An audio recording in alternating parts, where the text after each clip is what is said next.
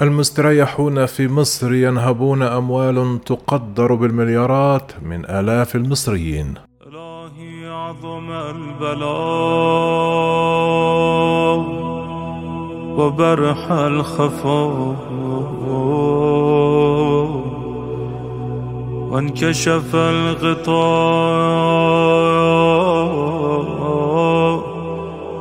وانقطع الرجاء.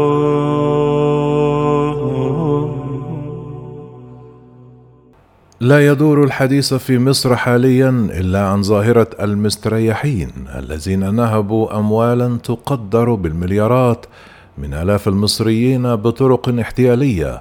فلا يكاد يمر يوما من دون أن توقع الشرطة بأحدهم أو يظهر آخر في مدينة أو قرية موقعا بضحايا جدد. كان أشهرهم مستريح أسوان. وارتبط لقب المستريح عند المصريين بأصحاب الرزق الوفير.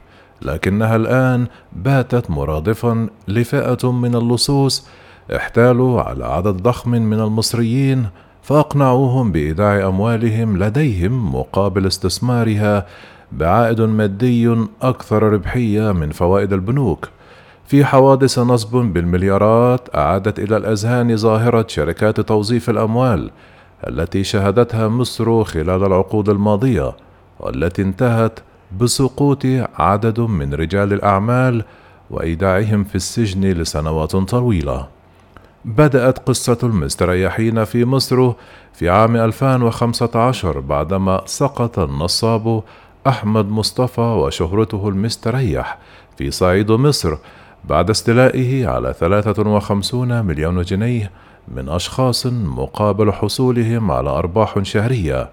المستريح أقنع ضحاياه آنذاك بتوصيف أموالهم في الهواتف المحمولة والعقارات واعتاد تسليمهم أرباح شهرية لكن قبض عليه عقب توقفه وحكم عليه لاحقا بالسجن خمسة عشر عاما وإلزامه برد 266 مليون جنيه.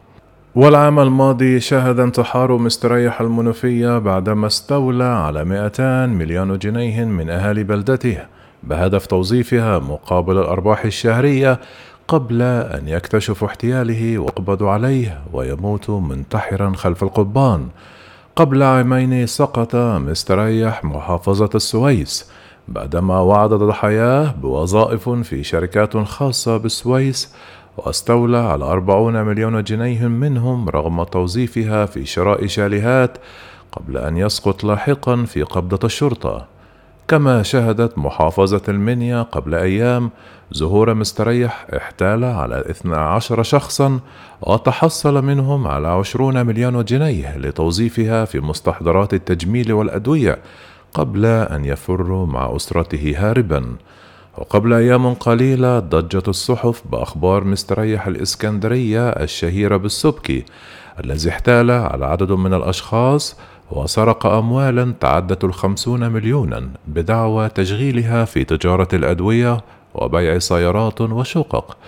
شهد العام الحالي ظهور مستريح القليوبية الذي نجح هو وعدد من أفراد أسرته في سرقة 93 مليون جنيه من أشخاص بحجة توظيفها في تجارة الزيوت والخردة مقابل أرباح مالية قبل أن يختفي عقب توقفه عن صرف الأرباح. وانشغل المصريون مؤخرا بقصة مستريح أسوان أو مصطفى البنك الذي لم يتجاوز عمره خمسة وثلاثون عاما والمسجل خطر لكنه استطاع أن يجمع حوالي ملياري جنيه عقب خروجه من السجن بالنصب على عدد من الأشخاص بحيلة الإتجار بها في المواشي قبل أن يفر هاربا إلى منطقة جبلية بمركز إدفو في أسوان وخلال مطاردته من قبل الشرطة استشهد ضابطان برتبة لواء ومجندان اثنان بعدما انقلبت بهم سيارتهم على الطريق الجبلي واضطرت السلطات إلى إقامة مزاد علني لبيع ممتلكات مستريح أسوان لتعويض الضحايا. ولا تقتصر ظاهرة المستريحين على الرجال إذ شهدت محافظة الشرقية قبل أيام ظهور مستريحة في مدينة الزقازيق تعمل معلمة في مدرسة لغات وقبض عليها بعدما حصلت على ثلاثون مليون جنيه من أشخاص بغرض استثمار أموالهم في بيع الأجهزة الكهربائية. عظم البلاء وبرح الخفاء. وانكشف الغطاء